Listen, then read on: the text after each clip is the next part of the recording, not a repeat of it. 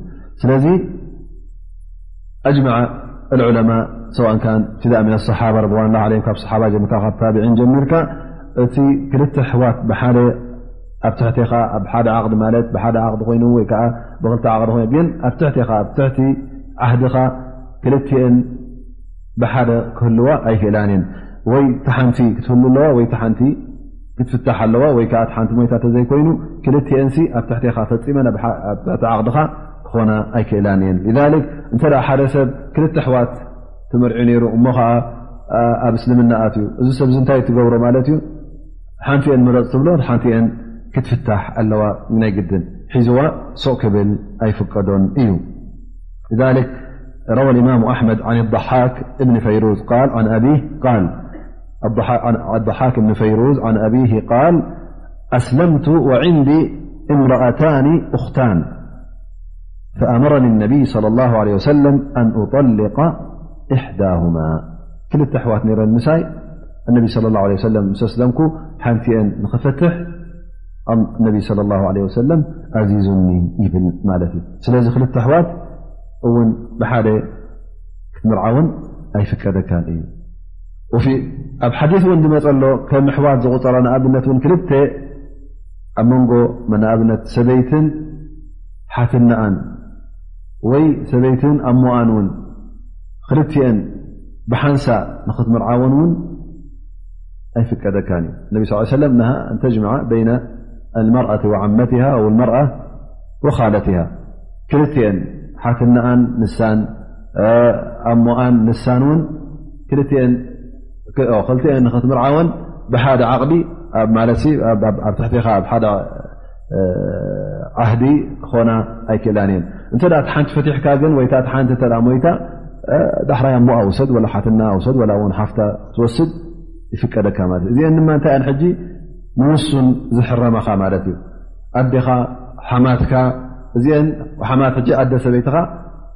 ውሱን ኣይኮነን እንታይ ደኣ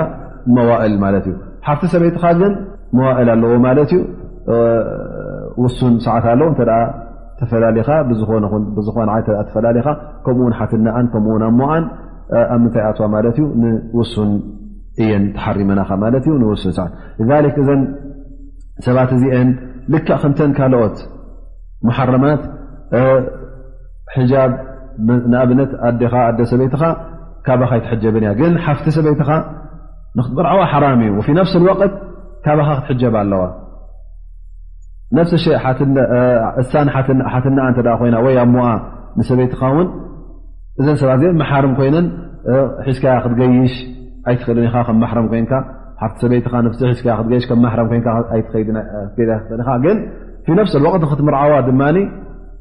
ኣይፍቀደካን እዩ ኢላ እቲ ምስ ሓፍታ ዘሎ ወይ ከዓ ምስ ጓል ሓፍታ ዘሎ ክብተን እተ ዘይኮይኑ ማለት እዩ እዚ ሕጂ ኣብ ሸርዒ እስልምና እዩ ማለት እዩ ክልተ ኣሕዋት ብሓደ ንክትሕዝ ኣብ ሸርዒ እስልምና ተኸልኪሉ ማለት እ ግን ኣብቲ ቀዳሞ ዝነበረ ሸር ኣላ ስብሓን ወተላ ኣብቶም በኒ እስራኤል ቀደም ሓላል ዩ ነይሩ ማለት እዩ ተሰይድና ያዕቁብ ዓለይ ሰላም ክልተ ኣሕዋት ኣብ ትሕቲኡ ነይረን ማለት እዩ እቲ ሓንቲ ራሄል ሽማ እቲ ሓንቲ ልያ ሽማ ልያ ኣዲኡ ንየሁዳ ራሄል ድማ ኣዲኡ ንመን ንሰይድና ዮሱፍ ክልትኤ ኣሕዋት እየን ነረን ኣብ ትሕቲ ሰይድና ያዕቁብ ነረን ማለት እዩ ስለዚ ሸርዒ እዚ ኣብቶም ቀዳሞት ኣላ ስብሓን ወተዓላ ሓላል ገይርዎ ነይሩ ግን ኣብ ሸርዒ እስልምና እዚ ነገር እዚ ተሰሪዙ ማለት እዩ ክልተ ኣሕዋት ብሓደ ኣብ ትሕትኻ ንክትገብር ኣይፍቀድን እዩ ብድሕሪ እዚ መን ተሪፋ ሓንቲ ተሪፋትና ማለት እዩ እታ መበል 14 እሳ ድማ እቲ ናታ ሰበብ ናይ ምጥባው ኣይኮነን ወድኻ ተመርዕያ ወይ ከዓ ነቦኻ ተመርዕያ ኣይኮነን መውስቦ ተረኪቡ ኣይኮነን ምስቶም ምሳኻ ርክብ ዘለዎም እዛ ሰብ እዚኣ ግን ምስ ካልእ ዓቕዲ ስለ ዘለዋ ብሰንኪ ናይ ዓቕዲ ማለት እዩ እዚኣ ሓጂ ትኽልከል ዘላ ፈየቁል ስብሓ ወላ ወልሙሕሰናቱ ምና ኒሳእ ኣብ ትሕቲ ዓቕዲ ዘላ ተመርዓወት ሰበይቲ ድማ ንኽትምርዓዋ ሓራም እዩ ዓቕዲ እንተ ኣሎ ኮይኑ ንስኻ ካልእ ዓቕዲ ንክትገብር ኣይፍቀደካን እዩ ስለዚ እዚኣ እውን ካብተን ሙሓረማት ትቁፀር ማለት እዩ ላ ስብሓን ወተላ እዚኣ ዝኽልክለካ ነገር የለን ኣብ ሞካ ይኮነ ዝምድና የብልካ ሕውነት የብልካ ወላ ውን ኣይጠቦበት ኣየጥቦበትካ ወላ ውን ነቦኻ ይተመርዓወት ንወድኻ ይተመርዓወት ማፊ ዓላቃ እንታይ ዝሕርማ ዘሎ ምስ ካልእ ዓህዲ ስለ ዝገበረት ምስ ካልእ ስለተኣሳሰረት እዛ ሰብ እዚኣ ንዓኻ ውን ትሕረመካ ማለት እዩ ሓላል ክትከው እተ ኮይና ካብቲ ዓቅድቲ ተፈትሓ ወይ ከዓ ብሞት ተፈላለያ ብዝኾነ ዓይነት ፍልል ተፈላለያ እንተ ካብቲ ዕዳኣ ወፅያ እዛ ሰብ እዚኣ ንዓኻ ይኹን ንካልኦት ሓላል ትኸውን ማለት እዩ ካብዚአን ግን ኣላ ስብሓን ወተላ መን ኣውፅኡ ማለት እዩ ወልሙሕሰናት ምን ኣኒሳ ኢላ ማ መለከት ኣይማንኩም ብ ከምቲ ትስፈልጥዎ ቀድም ኣብ ግዜ ነቢና ሓመድ ስ ሰለም ይኹን ወላ ብድሕሪኦም ዝነበረ ግዜ ኩናት እንተ ተካይዱ ኣብ ጅሃድ ይኹን ወላ እውን ቶም ካልኦት ሸነኻቶም ሙሽርኪን ነንሕዶም ኩናት ገብሩ ከለዉ ነቢና ሓመድ ስ ሰለም ምስ መፀ እውን ኩናት ክግበሩ ከሎ እቲ ዝሰዓር ወገን ኩሎም እቶም ዝእሰሩ ደቂ ተባዕትዮ ይኾኑ ደቂ ኣንስትዮ ይኾና ኩሉ እንታይ ዝኸውን ነይሩ ማለት እዩ ከም ባርያ እዩ ዝቁፅር ማለት ኣብ ትሕቲ እቲ ቤት ማእሰርቲ ነበረን ናይ ኩናት እስረኛታት ዝበሃል ኣይነበረን ምክንያቱ ቤት ማእሰርቲ ነበረን እዘን እንታይ እዩ ዝግበር ነይሩ ሽዑ ትማቀሎም ማለት እዩ ዓዲ ሒዝካ ኣለካ ንብረትን ሰብን ኩሉ እተ ብሓይልኻ ተቆፃፂርካዮ ሰብ ኡትቀትልካ ኮይኑ ላ ውን ስዒርካ እተ ሒዝካዮም ነቶም ሰብኡት ይኹኑ ነቶም ቆልዑት ይኹኑ ህፃናት ይኹኑ ኣንስቲ ይኹና እንታይ እዮም ዝኾኑ ሮም እዞም ሰባት እዚኦም ኣብ ትሕትኻ ከምበራዩ እዮም ዝኾኑ ሮም ማለት እዩ ልክዕቶም ካልኦት ሸነክ እውን እተ ንዓኻ ስዒሮምኻ ከምኡ እዮም ዝገብሩ ሮም ንዓኻ ወሲዶም ከምባርያ ቆፅሩኻ ነታ ነንስቲ እውን ከምባርያ ቆፅርዎ ሮም ማለት እዩ ላ ስብሓን ወ እንታይ ብል እተ ብከምዚ ዓይነት ዝሓዝኩምሞን ኣለዉ ኮይኖም ግን ወላ እውን ትመርዕያ ነራ ትኹን ብሙጀረድ እዛ ሰብ እዚኣ ኣብ ትሕቲኹም እተ ኣትያ ከም ባርያ እተ ተቆፂራ ማለት እዩ ብዚ ሸርዓዊ ኣገባብ ማለ ተ ሒዝኩምን እዘን ሰባት እዚአን እቲ ዝነበረ ዓቕዲ ሕጂ ተበቲኑ ማለት እዩ ሰይቲ ሰብኣያ ነራ ግን ስለ ተሳዒራ ኣብ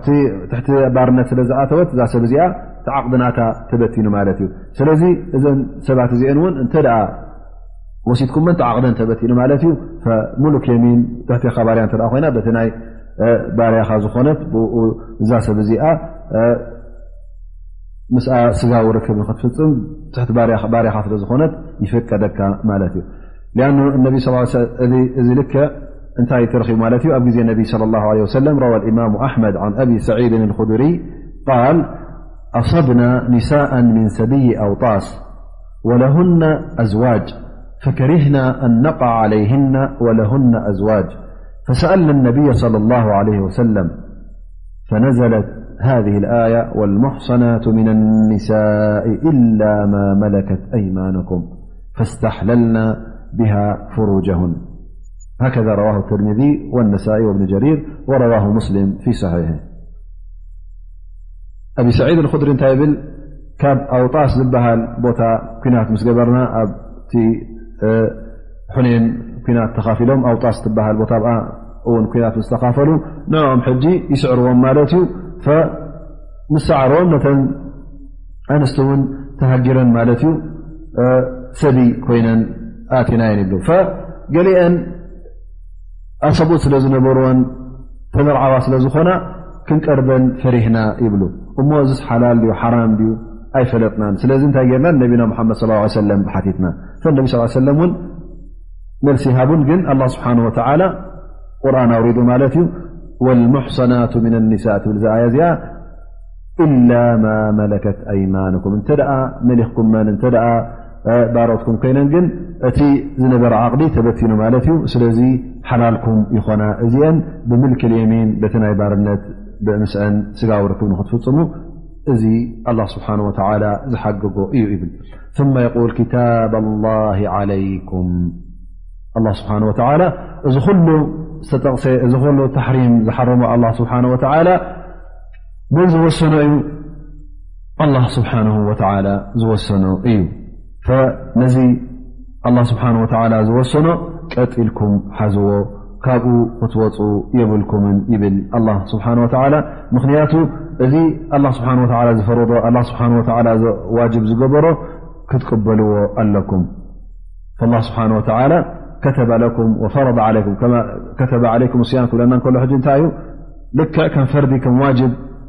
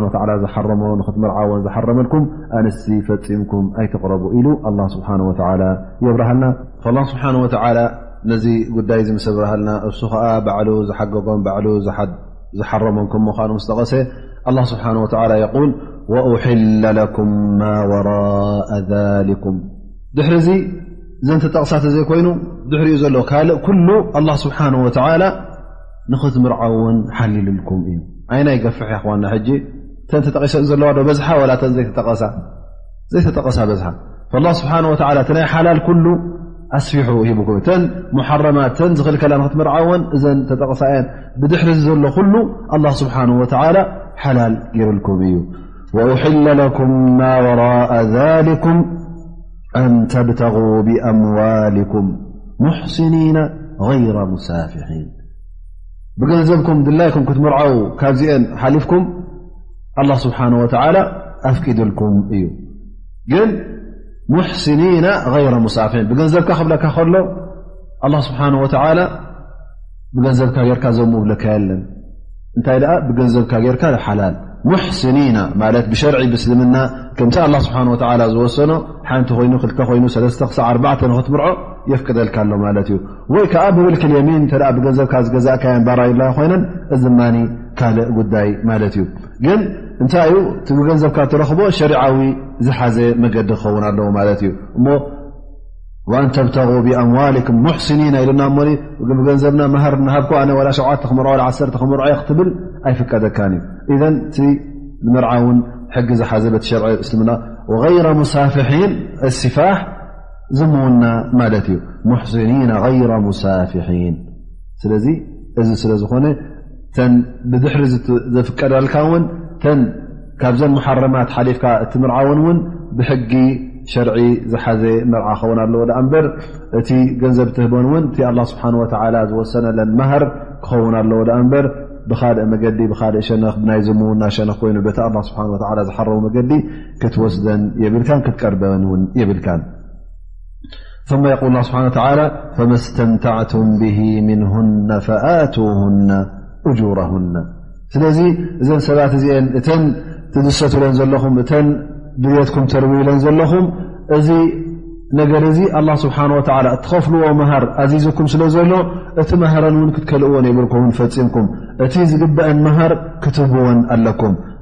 ካብቲ መህረን ውን ፈፂምኩም ክትወስዱ የብልኩምን እዚ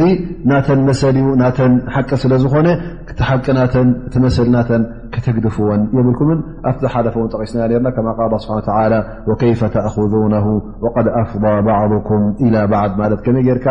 ትወስዶ እስኻን ንሳን ንንሕትኩም ነናትኩም ድልት ኣርዊኹም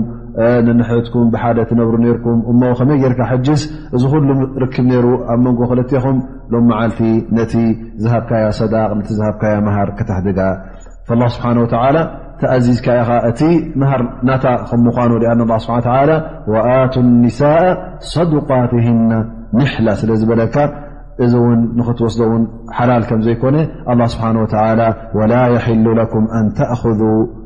ምማ ኣተይትሙና ሸይኣ ኢሉካ እዩ ስለዚ እቲ መሃር ዝወሃብ ናታ እዩ ፈፂምካ ክተሕድጋ የብልካ ፈፂምካ ክትወስዶ የብልካን እንታይ ደኣ ንዓ ክትባ ኣለካ እዚ ናታ ማል እዩ ምክንያቱ እዛ ሰብ እዚኣ ኣብ መንጎኻን ኣብ መንጎኣን ካብ ገንዘብ ዝዓቢ ስለ ዝነበረ እዚ ገንዘብ እዚ እውን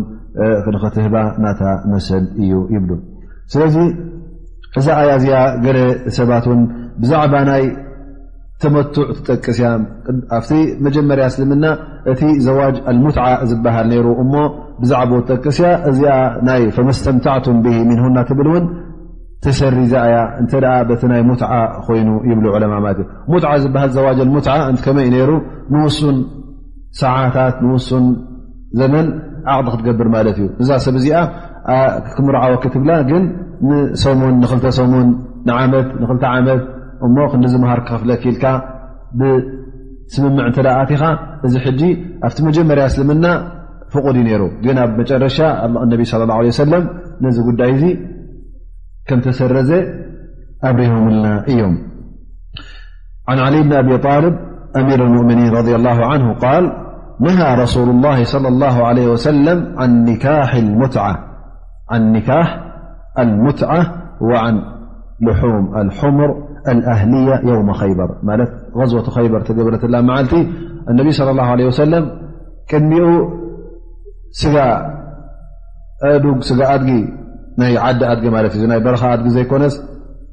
ናይ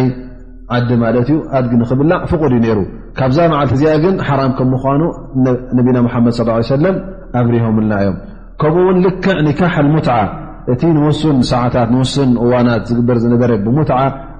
ወላ ውን ብምስክር ብዓቕዲ እዩ ዝግበር ነይሩ ግን ንውሱን ሰዓታት ንውሱን መዓልታት ስለ ዝግበር ዝነበረ እዚ ነገር እዚ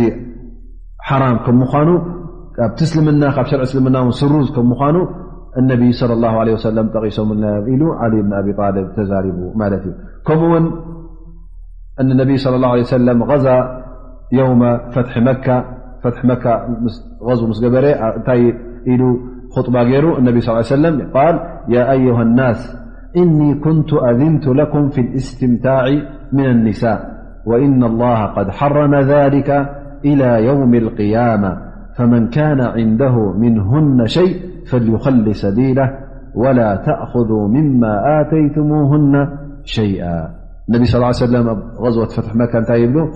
قدم حجي نكاح المتعة نختقبرو تفقدكم نر أفقدلكم نر ن بدهر حجي فمو قدي ي حرام ي እሞ እንተ ሓደ ሰብ ብኒካሕ ሙትዓ ዝገበሮ ዓቕዲ እተ ኣሎ ኮይኑ ነዚ ኒካሕ እዚ ይበትኖ ነተን ሒዝወን ዘሎ ይግደፈን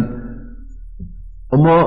ኣነስ ንዓመት ንክልተ ዓመት ኢና ተቋፂርና ርና ዝሃብክዋ መሃር ንከምዚኡ ነይሩ ኢልካ ውን እቲ ገንዘብ ምደስዮ ወይ ከዓ መ ንክልተ ዓመት ኢና ተቋፂርና ና ሓንቲ ዓመት ተገይሩ ዘሎ ስለዚ ትፍርቂ ሃብኒ ኢልካ ውን ኣይትሕተት ኢሎም ነቢና ሓመድ ስ ሰለም ፈፂምኩም ውን ካብቲ ዝሃብኩም መን ኣይትውሰዱ ኢሎም ነቢና ሓመድ ለ ላ ለ ወሰለም ስለዚ እቲ ኒካሕ ልሙትዓ ካብ ከምተሓረመ ከምተሰረዘ ውን ብሸርዒ እስልምና በዚ ይበርሃልና ማለት እዩ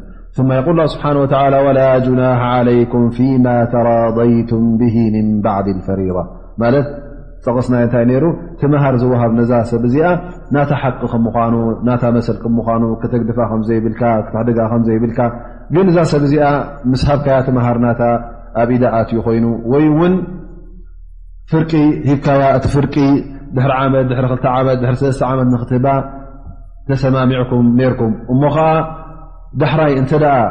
እዛ ሰብ እዚኣ ምሒራትካ እቲ ብርእሰኻ ዘሎ ከም ደቓሕ ተቆፂሩ ዝነበረ እንተ ምሒራትካ ወይ ውን እንተ ካብቲ ዝሃብካያ ውን እተ ሂባትካ ብድሕሪ እዚ ወላ ውን እተ እስኻ ብዝያዳ ወሲኽካያ ኣብ መንጎኹም ብሪዳ ብፍቶት እተ ተገይሩ ካብቲ ዝሃብካያ ስ ንክትወስድ ወይ ከዓ እስኻ ብዝያዳ እንደገና ኣብቲ መሃር ዝያዳ ክውስኽ ክልካ እተ ወሲኽካያ እተ ነኪኻላ ብርዳናታ ብፍቶትናትካናታ እተ ተገይሩ እዚ ጉዳይ እዚ ኣላ ስብሓን ወላ ምንም ሽግር ከምዘይብሉ ኣበር ከምዘይብሉ ዘንቢ ከምዘይብሉ በዛ ኣያ እዚኣ ወላ ጅናሃ ዓለይኩም ፊማ ተራደይቱም ብ ምን ባዕድ ፈሪዳ ይብለና ማለት እዩ እና ላ ካነ ዓሊማ ሓኪማ ኣላ ስብሓን ወተላ ኩሉ እትገብሮ ነገራት ኣላ ስብሓን ወተላ ይፈልጦ ዩ ካብኡ ዝሕባእ የለን ኩሉ ንዓኹም ዘድልን ዘየድልን ን ንዓኹም ዝጎድእውን ኣላ ስብሓን ወተላ ይፈልጦ እዩ ዝሕብኦ የለን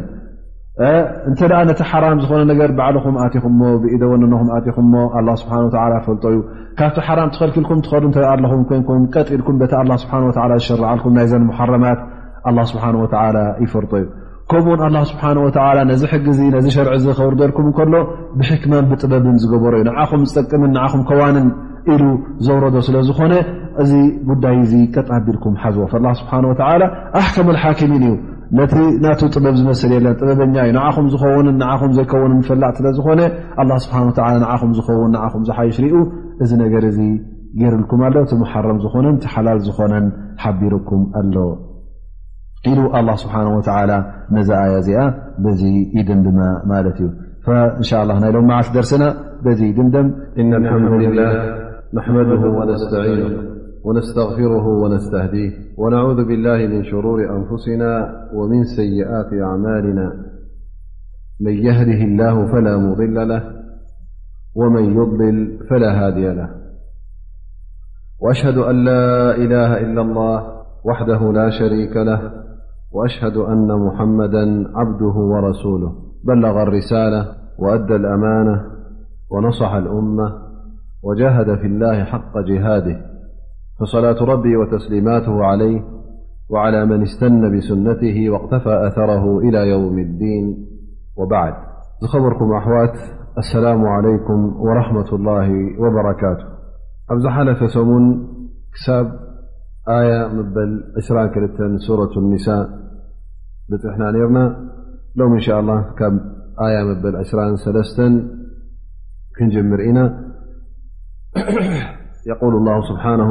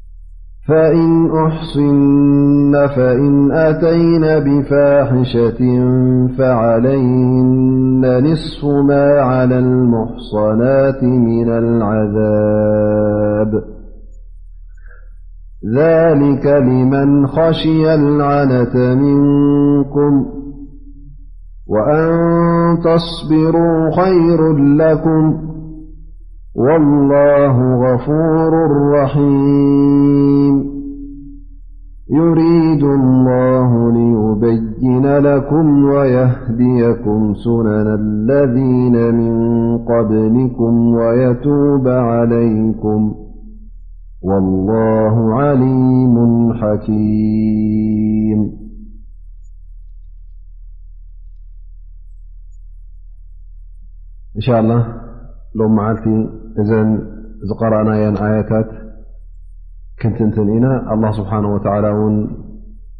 ክድግፈናን ክሕግዘናን እቲ እንብሎ ቃላት እውን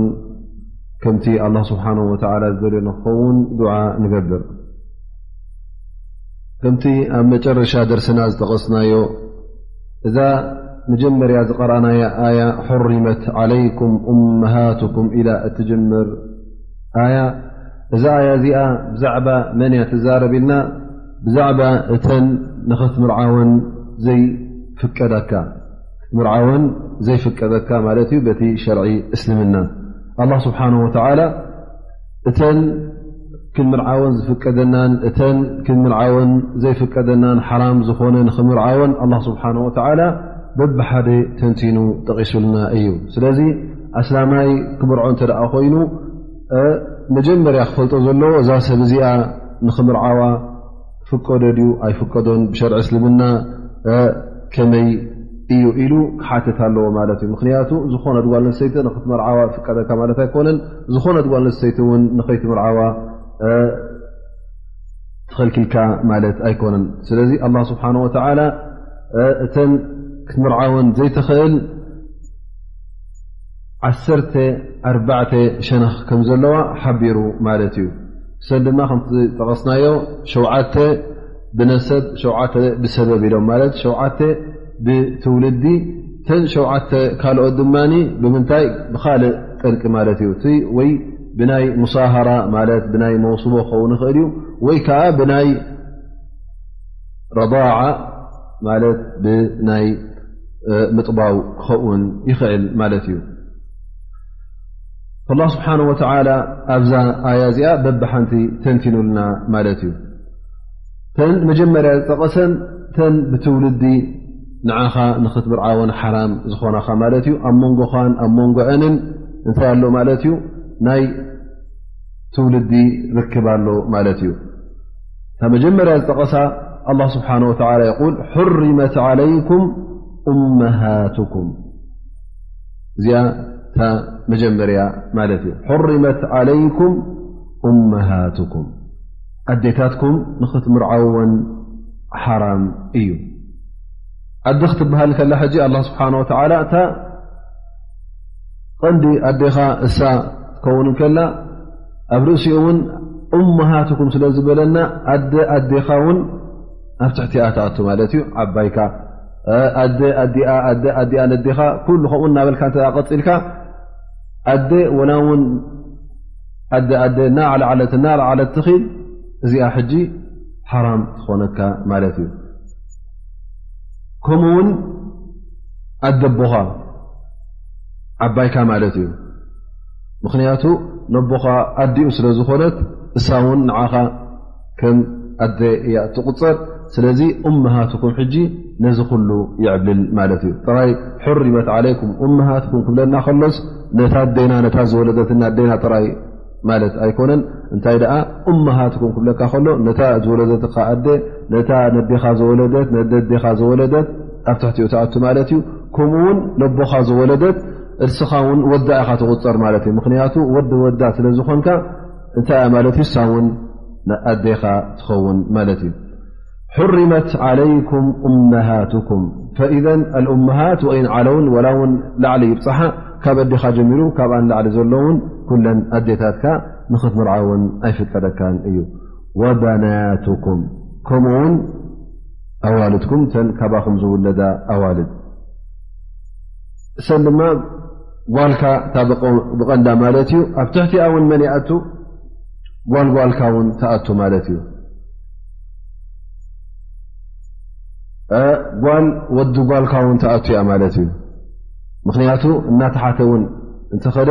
እቶም ካብ ኣኻ ዝውለዱ ካብ ጓልካ ዝውለዱ ደቂ ትባዕት ይኹኑ ደቂ ኣንስትዮ ትውለድ እታ ጓልካ እቶም ደቆም እውን ንኦም እቲ ካብ ባሓጎኦም ስለ ዝኾንካ ከም ኣቦኦም ስለ እትቑፅር እሶም ውን ደቅኻ ስለ ዝቑፀሩ እዚኦም ውን ንኽትምርዓዎም ኣብ ሸርዒ እስልምና ኣይፍቀደካን እዩ ከምኡ እቶም መሓርም ዝበሃሉ ማለት እዮም እዞም ሰባት እዚኦም እንተ ክትገይሽ ደልያ ጓል ንሰይቲ ምስኦም ክትገይሽ ትኽእል ማለት እዩ እቲ ናይ ከልዋ ነገር ወይ ከዓ ምስኦም ኮይና ክትዛረብ ምስኦም ኮይና ግዴታ ሕጃብ ግበሪ ዘይትበሃለሉ ቦታ እዞም ሰባት እዚኦም እዮም ስለዚ መሓርም ይበሃሉ ንክትምርዓዋ ዘይፍቀደካ እሰን ይኾና ማለት እዩ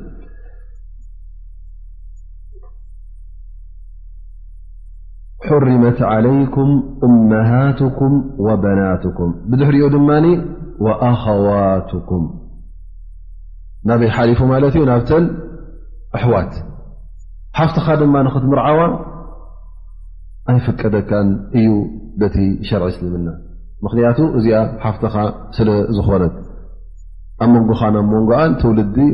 ተውልዲ ኣሎ ማለት እዩ ሓፍትኻ ንክትምርዓዋ ኣይፍቀ ግን ኣብ ትሕቲኣ ዝኣትዋ እውን ኣለዋ ሓፍትኻ ጓል ሓፍትኻ እውን ትሕቲኣ ተኣተዋ ካብ ኣሕዋትካ ዝውለደ ካብኣ ውን ኩሎም ደቂ ሓፍትኻ ስለ ዝቁፅሩ ሓፍትኻ ደቂ ሓፍትኻ ደቂ ደቆም እናበልካ ተኣኼትካ እውን ኩሎም እዞም ሰባት እዚኦም ትሕቲ ሓፍትኻ ዝኣት እዚኦም እውን ክትምርዓዎም ኣይፍቀደካን እዩ ثመ ዓማትኩም ዓማትኩም ኣሞታትኩም ማለት እዩ ንቦታትኩም ኣሓቶም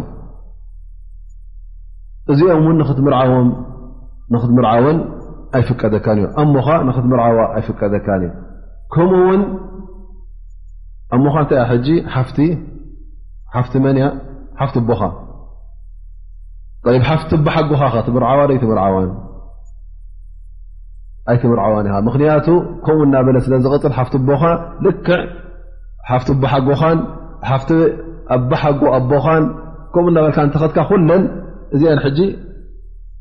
ልክዕ ኣብቲ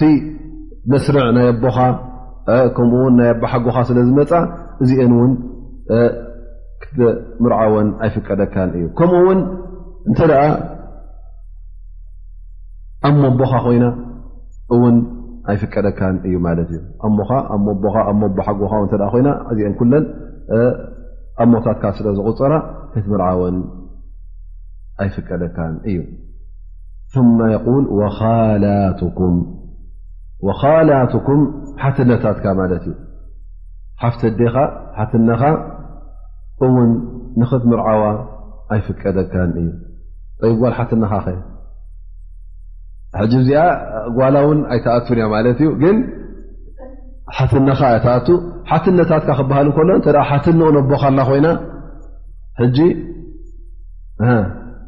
ትፍቀደካዶ ሓት ነቦኻ ኣይትፍቀደካ ያ ሓትኒ ኣነዴኻ በርዱ ኣይትፍቀደካ ያ ምክንያቱ ዓባይካ ስለ ዝኾነት እዘን ካላትኩም ሓትነታትካ ኣብኡ ይኣትዋ ማለት እዩ ግን ናይ ሓትነኻ ካብቲ ምድረኽ ናይ ሓትነ ካብ መርተባ ታሕቲ ተ ጓል ሓትነ በፂሓ ኣብኡታ ተ በፂሓ ምስ እትውቲ ኮነትን ልክዕ ኣሞኻ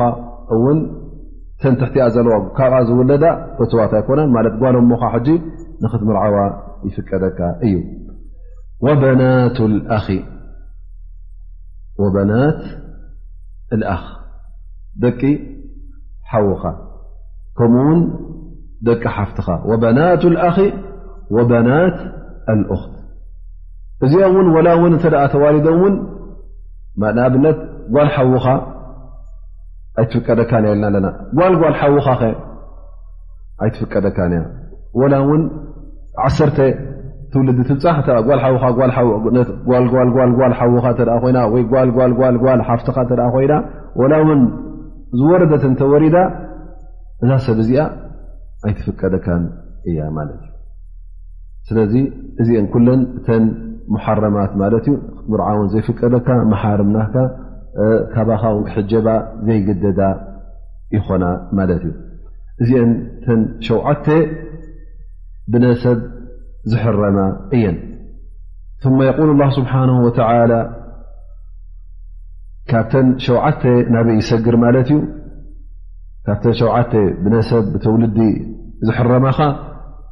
ብሰበብ ብካልእ ጠንቂ ክሕረማካ ዝኸኣለ ውን ይጠቅስ ኣላ ስብሓን ወተላ እንታይ ብል ወእመሃትኩም ኣላቲ ኣርዕነኩም ወእመሃትኩም ኣላቲ ኣርዕነኩም ማለት ከምኡ ውን ኣዴታትኩም እተን ዘጥበዋኹም ማለት ብጡብ ኣዴኻ ትኸውን ማለት እዩ ስለዚ ኣደ ካብኣ ተወለድካ ደላ ብኣዴኻ ኮይና ቀንዲ ዴኻ ካብኣ ተወሊድካ ብነሰብ ማለት እዩ ሕጂ ብትውልዲ ካልኣይ ብጡብ ጥራይ ማለት እዩ ካብኣ ተወለድካን ግን ካብኣ ስለ ዝጠበኻ ሕጂ ከምኡ ውን እዚኣ ልክዕ ከመዴኻ ስለ ዝኾነት ትሕረመካ ማለት እዩ ክትምርዓዋ ኣይፍቀደካን እዩ ከምኡ ውን ወኣኸዋትኩም ምን ኣረባዓ ጥራይ ሳይኮነን ከምኡ ውን እንታይ ደኣ ተን ኣሕዋትካ ውን ብጡብ ማለት ንዓኻን ነዛ ጓልን ዘጥበወት እንተ ሓንቲ ሰበይቲ ኮይና ክልትኹም ሕጂ እንታይ ትኾኑ ኣለኹም ኣብ ጡብ ኣሕዋት ትኾኑ ኣለኹም ማለት እዩ ንዓኹም ዘራኽብ ሕጂ ናይ ስጋ ነገር የለን እንታይ እ ዝራኽብኩም ዘሎ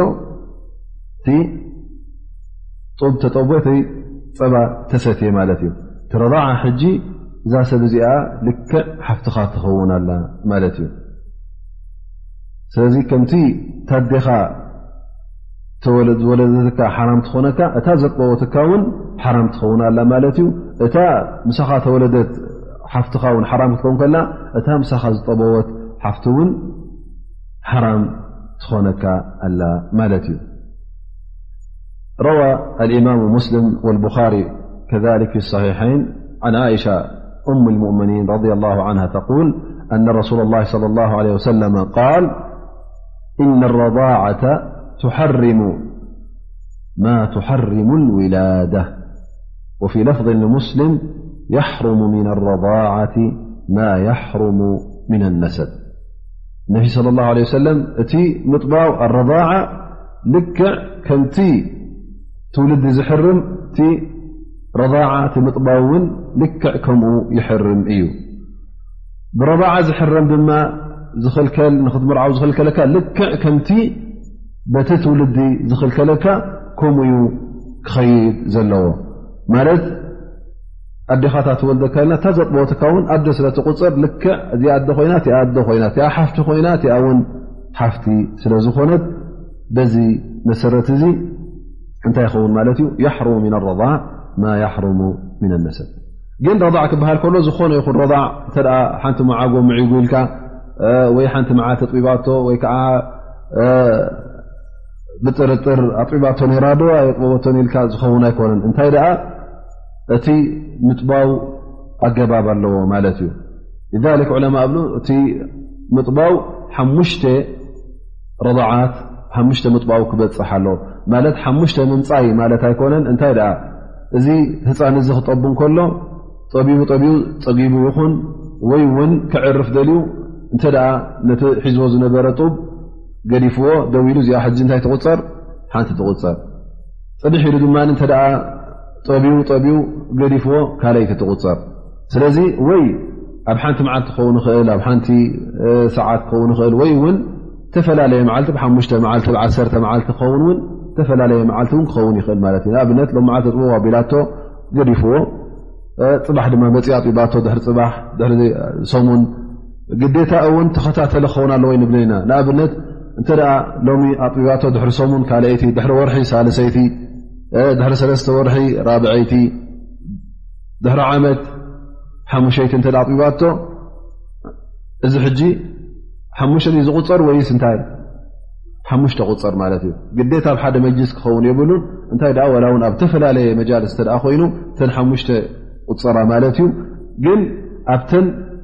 ክልተ ዓመት ክኸውን ኣለዎ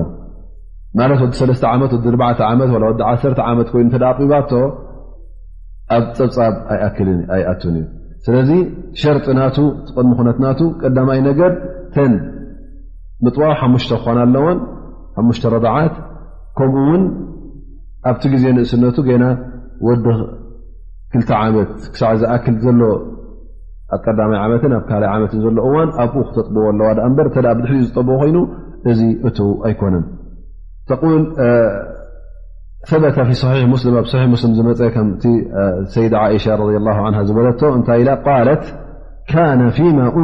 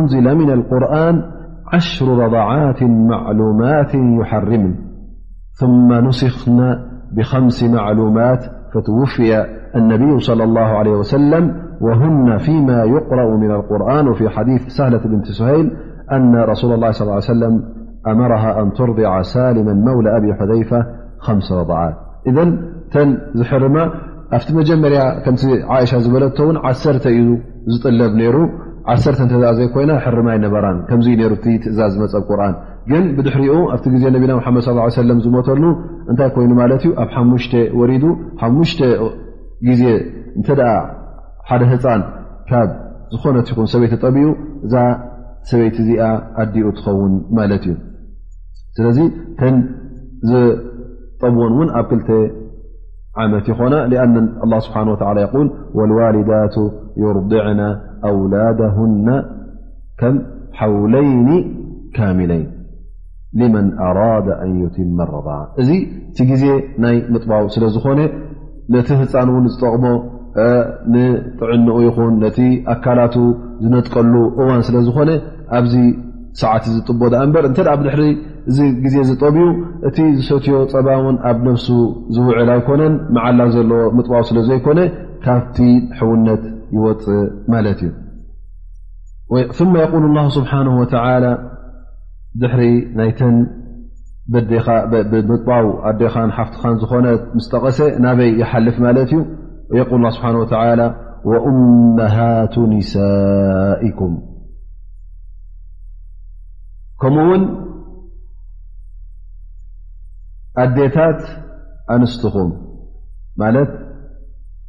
ሓማትካ ማለት እዩ ልክ ሓማትካ ውን ንኽትምርዓዋ ሓራም እዩ ሃል ሓማትካ እዚኣ ምስ ሰበይትኻ ክትፅምብራ ዩ ሓራም ወይስ ንሰበይትኻ ፈትሕካ ንሓማትካ ክትበርዓኻ ከ ሃል የጁዝ ወላ የዝ ያክዋና ማ የዝ ይ ኣነ ንኣብነት ጂ ሓንቲ ሰበይት ትበርዕያ ሓማታ ሓራም ራ ማለት እዩ እታ ሰበይታ ተፈታሕክዋ ሕጂ ሰበይተይ ነበረት ተፈታሕክዋ ጓላ ማለት እዩ ፈትሐያ ሕጂ ሃል እታ ሓማት ሕጂ ማሕረም ናተይ ተቁፅር ወይስ ከመይ እዩ ወላ ታጓል ሕጂ ኣነ ክላስ ሰበይቲ ታጓላ ፈትሐያ እየ ሕጂ እዛ ጓላ እዚኣ ማሕረመይ ድ ማሕረመ ኣይኮነትን ምስ ፈታሕክዋ ጠይባ ኣዲኣ ኸ ክልትኤን ወላ ታደ ዝተፈትሐት ከ ታደ ሕጂ ትቕፅል ኣላ ማለት እዩ ታደ ማሕረምካ ኣላ ማለት እዩ ላ ጓላ ፍትሓያ ዳኣ እምበር ክትምርዓዋ ፈፂምካ ኣይፍቀደካን እዩ እዚኣ ካብተን ሙሓረማት ኣበድ ዝኾነት እያ ምክንያቱ ኣብ መንጎኣንን ኣብ መንጎታ ኣለኻልኣይ ንኣብነት ክልተ ኣሕዋት ንክትምርዖ ሓንቲ ሰበይቲ ተመርዕኻ ሓፍቲ ላታ ነታ ሓፍታ ንክትምርዖ ሕጂ እቲኣ ትመርዕኻ ከለኻ ምስኣ ክትፅንበራ ሓላል ዩ ሓራም ፍቀደካ ዶ ፍቀደካ ኣይፍቀደታ ሓንቲ ወይ ሞይታ ወይ ፈትሐ እቲኣ ትፍቀደኒ ማለት እዩ እዘን እዚኣ ሕጂ እንታይ ትኸውን ማለት እዩ ውሱን እዋን ኣለዋ ማለት እዩ ናይዛ ሓፍቲ ናይ ኣዲኣ ግን ውሱን ኣይኮነን እንታይ ደኣ ቀፃሊ እዩ ሕርማናታ ወላ ትፈታሕ ወላ ትሙት ነዲኣ ክምርዓዋ ኣይፍቀደንን እዩ ይ ወእመሃቱ ኒሳኢኩም ይ እንተ ኣነ ሓንቲ ሰበይቲ ንኣብነት ተመርዐያ ዓቕዲ ገርና ማለት እዩ ግን ከይቀረብክዋ ከለኹ እንተ ፈትሐያ ሃለ ዲኣ ምርዓዋ ክእል ዶ ይክእልን ብዓቅዲ ጥራይ ኢና ጌርና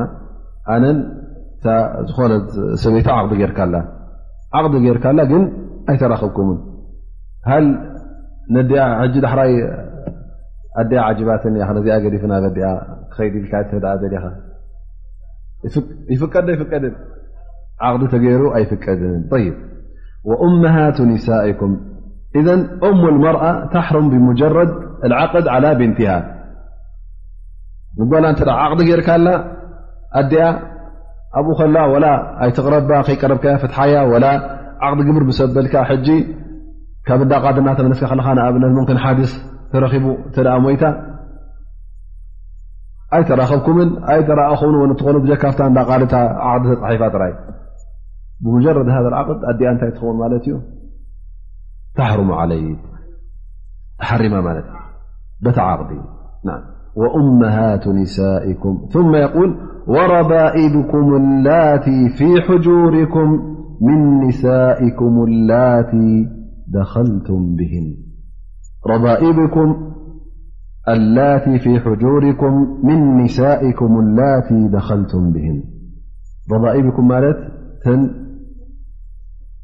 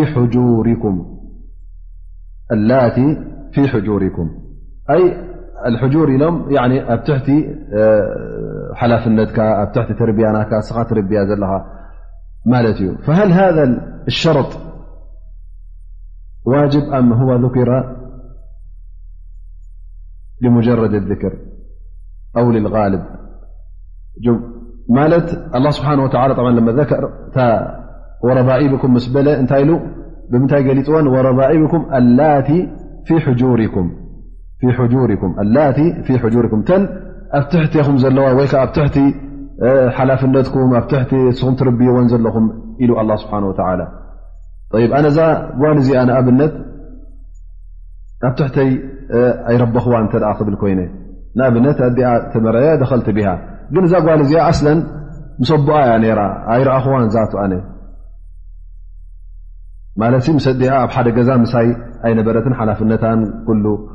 ተርቢያናታን ኣነ ኣይተሰከምኩን ናልባሽ እዛ ንኣብነት ንብሎ ጓል ሰበይትካ ንኣብነት ነታ ትምርዓዋ ዘለካ ሰበይቲ እዛ ጓል እዚኣ ካብቲ ቀዳማይ ሰብዓያ እቲ መርዕ ተፋትሖም እቲ ድማ ጓሉ ወሲዱ ምስ ሒዝዋ ማለት እዩ ወይ ሓሓንሳ ድማ ምስ ኣዲኣ ትፅንሕ ስለዚ ክትምርዓዋ ከለካ ነዲኣ ወይ ምሳካ ትመፅእ ኣብ ሓደ ገዛ ትነብሩ ማለት እዩ እስኻ ሕጂ ሓላፍነታ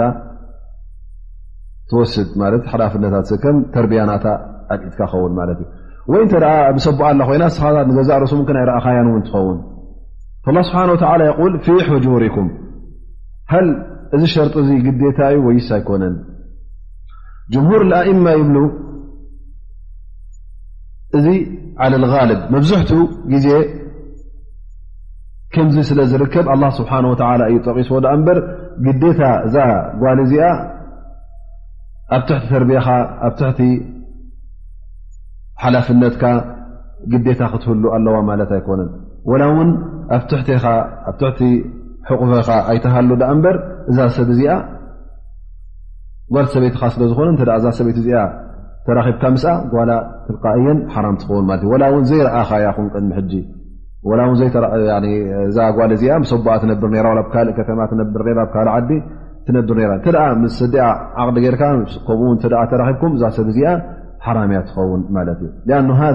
እንታይ ብ ረጃ መክረጃ ልብ መብዝሕት ግዜ ጓል ምስ ኣዲኣ ስለትነብር እስኻ ምስ ኣዲኣ ክትምርዖ ከለካ ብ ትሕቲ ሓላፍነትካ ስለትኸውን እዚ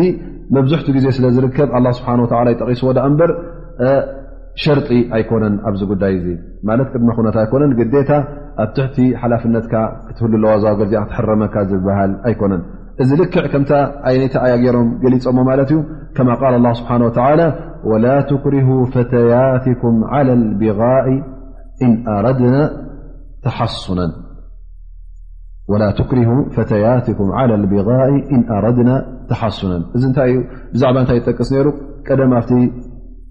ግዜ ነቢና ሓመድ ስ ሰለም ተረኽበ ሽግር ማለት እዩ ገሊኦም እንታይ ይገብሩ ነይሮም ማለት እዩ ነተን ኣብ ትሕቲኦም ዘለዋ በራዮ ሕጂ ከም እንታይ ይጥቀምለን ማለት እዩ ጋሻ ክመፆም እንከሎ ገለ ንዕኡ ንክሐጉሱ ክብሉ ኪዲ ምስኡ ደቂ ስብልዋ ማለት እዩ ነይሩ እሳ ሕጂ ነዚ ጉዳይ እዚ ኣይደልዮን እያ ግን እዚ ሰብ እዚ ጎይታኣ ስለ ዝኾነ ኣብ ትሕቲኡ ስለ ዘላ ከይፈተወት ነዚ ስራሕ እዚ ትገብር ነራ ማለት እዩ ላ ስብሓን ወተላ እዚ ኣያ እዚኣ ኣውሪዱ እዚ ጉዳይ እዚ ጌጋ ገበን ከም ዝኾነ ወላ ትክርሁ ፈተያትኩም ዓላ ልቢغኢ እን ኣረድና ተሓሱነን ተን ትሕትኹም ዘለዋ ተን በራዩ እንተ ዓፋፍ ደልየን ኮይነን እተ ነዚ ነገር ዚ ዘይደልያ ኮይነን ንዝምውና ኣይትድፍእወን ኣይተገድድወን ይብል እን ኣረድና ሕጂ እን ኣረድና ተሓሱናን ሃል ማዕናሃ እንተ ደኣ እን ለም ዩረድና ተሓሱናን የጁዝ ማለት ድዩ ኣይኮነን ላኪን እቲ ቐንዲ ነገር ብዛዕባ እንታይ ይጠቅስ ነይሩ መብዝሕተን ነዚ ጉዳይ ፀልኦ እየን ነረን ፈትዎ ስለ ዘይነበራ ከምዚ ተግባር እዚ ስለ ዘይደልያ ነበራ እሞ እሰን ዘይደልያ ከለዋ ኣገዲድኩም ኣብ ዝምውና ክደፋፍእዎን ዓብ ገበን ስለ ዝኾነ ኣላ ስብሓን ወተላ ነቲ ድርብ ገበን እዩ ዝጠቕሰልካ ዘሎ ኣ እምበር እንተ እዛ ሰብ እዚኣ ፈትያስ ይፍቀድ እዩ ማለት ኣይኮነን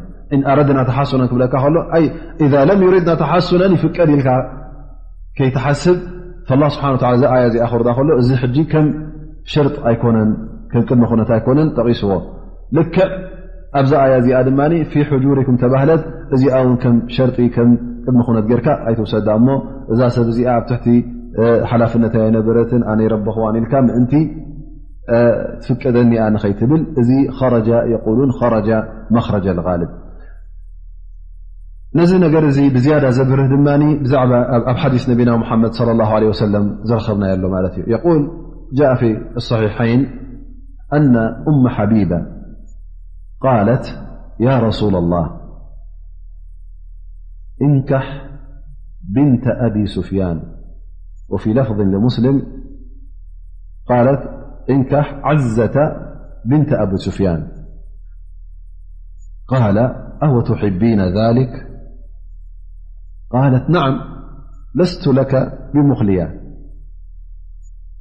وأحب من شاركني في خير أختي فقال النبي صلى الل ليه وسلم فإن ذلك لا يحل لي ثم قالت فإنا نحدث أنك تريد أن تنكح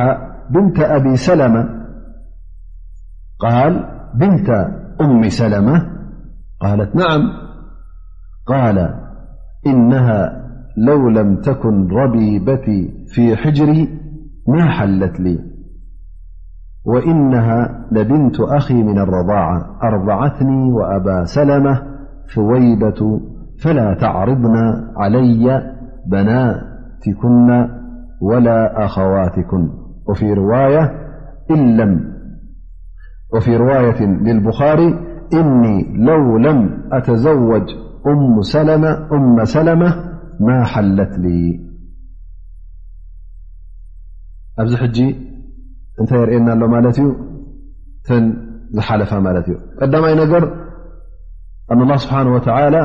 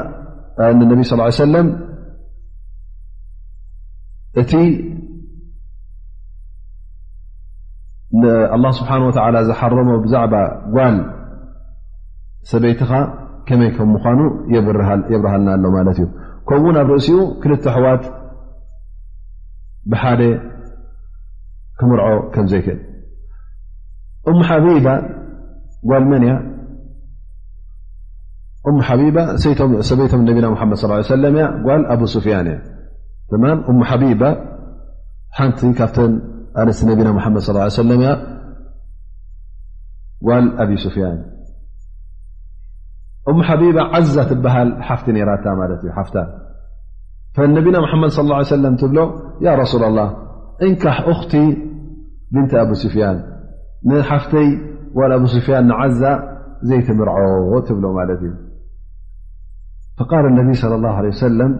ኣወ ትሕቢና ሊክ ደስ ዘብለኪ ዚ ነገር እዚ ትፈትውዮ ዶ ከም ዝኸርከ ይብላ ማለት እዩ ፈቃለት ናዓም እወ ኣነ ንበይነይ ክኣ ይብልን እየ እቲ ምሳይ እውን ክሻርኸኒ ዝደሊ ክትዝበለፀ ካብ ሓፍተይ ዝያዳ ነቲ ኸርሲ ክሻርከኒ ዝደሊ ንዓኻ ምርዓው ር ስለ ዝኾነ እቲ ር እውን ንሓፍተይ ክኸውን ኣብቲ ር ክትሻርከኒ ምሳ ክትሕወስ ኢለ ዝሓሰብክዎ እየ ትብል ነቢ ስ ሰለም የል ፈእነ ሊከ ላ የሕሉ ንዓኽ ንዓዓ ንክልቴ ኸ ክምርዖስ ኣይፍቀደኒን እዩ ይብል ማለት እዩ ላኪን እንታይ ትብል እሻ ኣሎ ብ ኣንስቲ ወላ ኣብቲ ግዜ ነቢና ሓመድ ሰለም ዘይኮነ ነገር ሓንሳ ሓንሳ ኣብቲ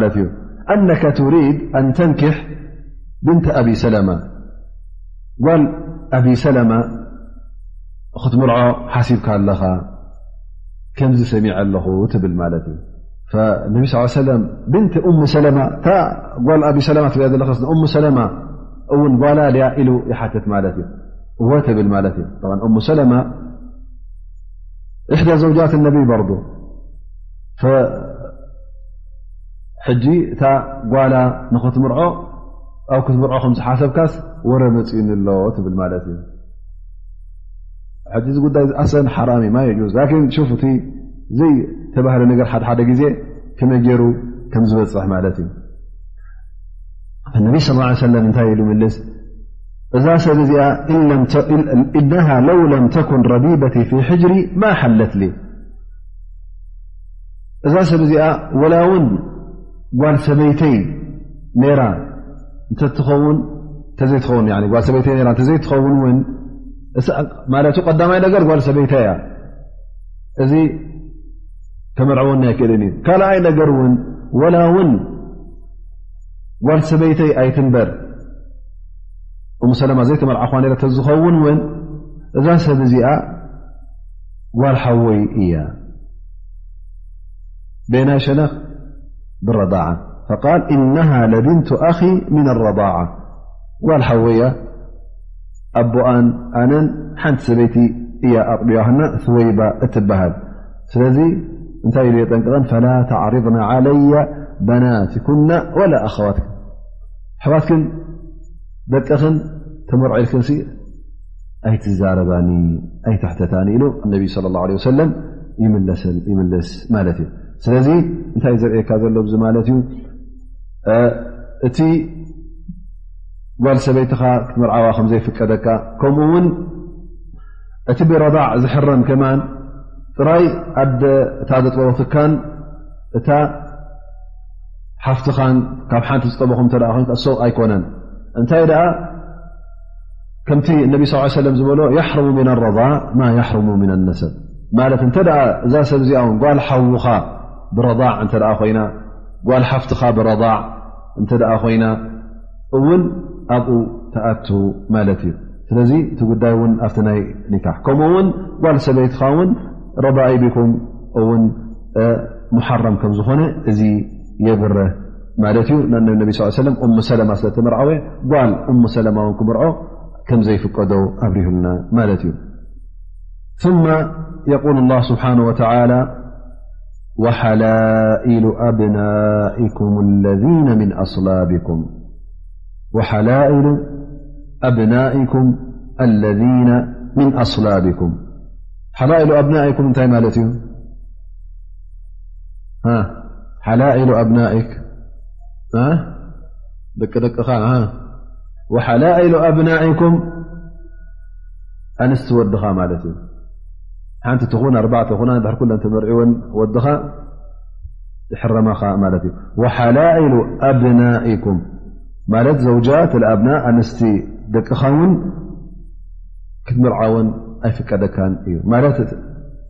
እሱ ትምርዕዎ ከሎ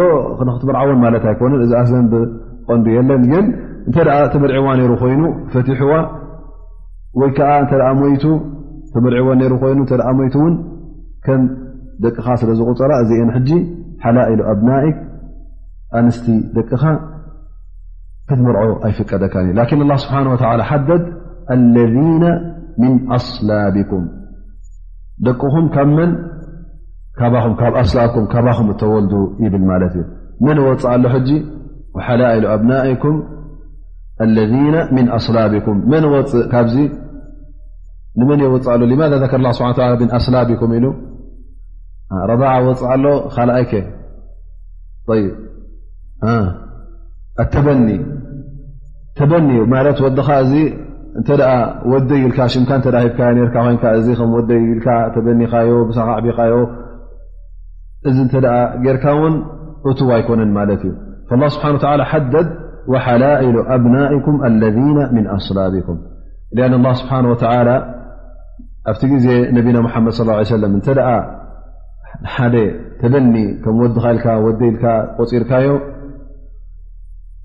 ልክዕ ወድኻ እዩ ዝቁፅር ነይሩ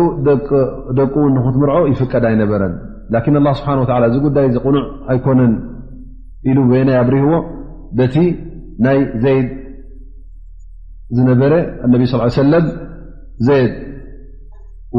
ከም ወዶም እዮም ተበኒ ገይሮም ወሲዶሞ ነይሮም ግን እቲ ተበኒ ኣላ ስብሓን ወተላ ኣብጢልዎ زيد فتح سيتونخ مرعو الله سبحانه وتعالى أزيز ومالتي يقول فلما قضى زيد منها وطرا زوجناكها لكي لا يكون على المؤمنين حرج في أزواج أدعيائهم